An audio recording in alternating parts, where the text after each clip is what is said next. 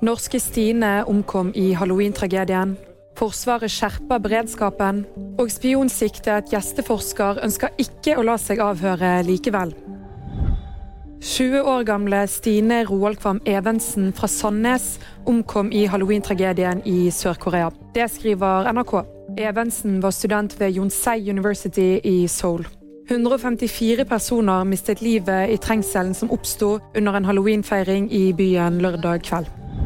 Fra og med tirsdag skjerper Forsvaret beredskapen i Norge. Det skjer som følge av at vi står i den mest alvorlige sikkerhetspolitiske situasjonen i Europa på flere tiår, sier statsminister Jonas Gahr Støre på en pressekonferanse mandag. Nå var det naturlig å, å ta dette til et nytt nivå, som jo i hovedsak handler om at forsvarssjefen kan prioritere ressursene sine bedre ut fra den situasjonen vi er i. Forsvarssjef Eirik Kristoffersen sa under pressekonferansen at de planlegger å stå i situasjonen i minst ett år.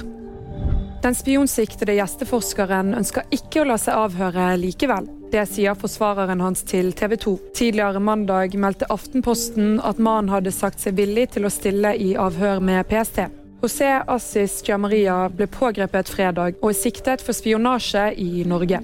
Og VG-nyheter fikk du av Hanne Sofie Andresen.